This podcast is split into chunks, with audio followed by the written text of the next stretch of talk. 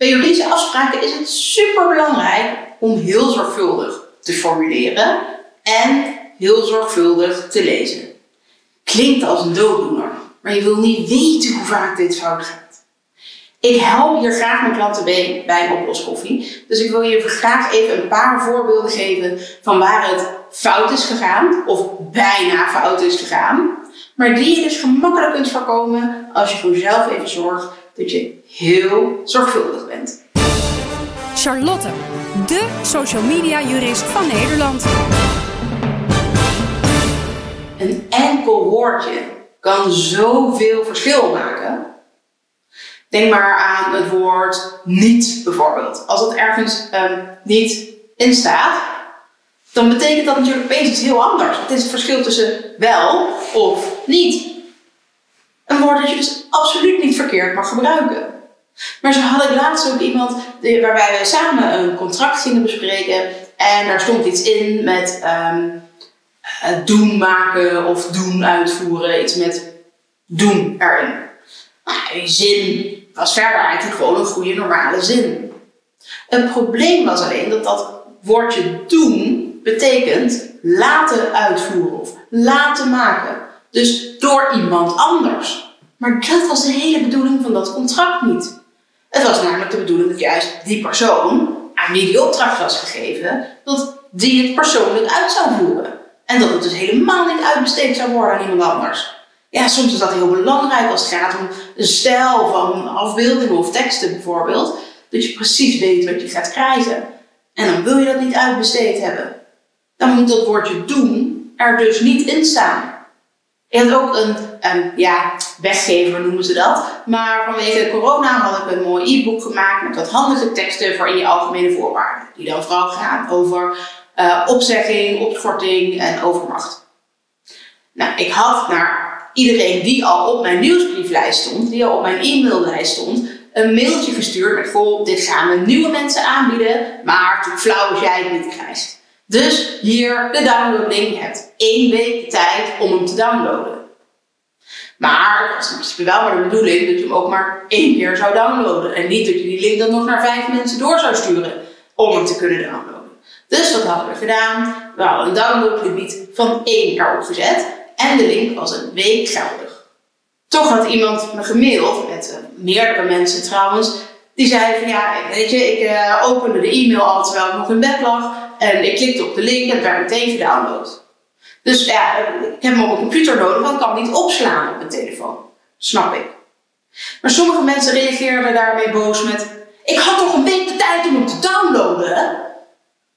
Ja, dat klopt. Je hebt een week de tijd om hem te downloaden. Dat betekent niet een week lang onbeperkt downloaden. Je hebt een week de tijd om hem eenmalig te downloaden. Dus als je een bepaalde hoeveelheid tijd krijgt om iets te doen, zegt ook niet iets over hoe vaak je iets mag doen. Dat is dus heel belangrijk om dat zorgvuldig te formuleren en ook zorgvuldig te lezen. Zo gaat dat dus eigenlijk met alles in je overeenkomst. Er was er ook nog iemand die in algemene voorwaarden iets had gezegd over wanneer er dan sprake was van aanvaarding van een aanbod. Dus wanneer is de afspraak nou definitief? Het was in die algemene voorwaarden een beetje een ingewikkeld verhaal geworden. Dus ik vroeg, maar hoe werk je dan echt? Ja, nee, in principe, ik eh, stuur gewoon een offerte. En op het moment dat iemand zegt, daar ben ik mee akkoord, dan hebben we dus gewoon een afspraak. En dan stuur ik wel nog een contract na, om even waar de details nog in staan. Maar dat was niet wat er in die algemene voorwaarden stond. Daar stond namelijk in, ja, er wordt een aanbod gedaan en dat kun je dan wel aanvaarden, maar eigenlijk is het pas aanvaard als je de aanbetaling hebt voldaan. Dat betekent dus dat je de hele tijd maar moet zitten wachten totdat je dat geld binnen hebt. En als je dan bijvoorbeeld een betalingstermijn voor 30 dagen hebt, dan betekent dat je eigenlijk 30 dagen lang misschien wel ja, die opdracht toch een soort van wel al vast wil zetten in je agenda. Voor het geval iemand dus betaalt, want dan gaat het opeens door. Dus dan heb je niet de vrijheid om echt maar andere opdrachten aan te nemen voor diezelfde periode of datzelfde moment. Dat is natuurlijk helemaal niet zo handig. En zeker niet als dat helemaal je bedoeling niet is. En als je dus denkt dat je op een andere manier werkt. Ik heb daarom nog een tip voor je. Schrijf gewoon op wat je bedoelt. Maak het niet ingewikkelder of wolliger dan het is. Het hoeft niet allemaal in van die onnodig moeilijke formele juridische taal om ervoor te zorgen dat het toch een juridisch correcte afspraak is. Heel soms zijn bepaalde woorden wel nodig. En omdat rechters daar uiteindelijk waarde aan hechten. Stel dat iemand um, nou, een opdracht niet goed heeft uitgevoerd, dan wordt dat een tekortkoming in de nakoming, zoals we dat noemen. Maar dan moet je iemand eerst in gebreken stellen.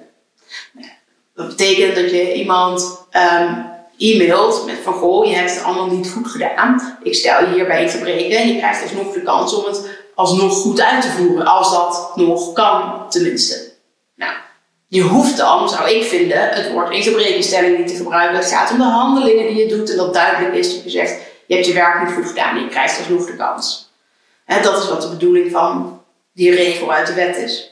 Maar er zijn rechters die dan zeggen, ja, maar het woord in gebrekenstelling is niet gebruikt. Of hè, niet gebruikt dat je hebt gezegd, ik stel je hierbij in gebreken. Dat dat in gebreken echt in je e-mail moet staan, omdat het anders geen in gebrekenstelling zou zijn. Vind ik persoonlijk heel erg flauw. Juist omdat ondernemers over het algemeen al eenmaal geen juristen zijn. Tenzij juristen zijn die ook ondernemers zijn, zoals ik. Maar meestal ben je dat niet.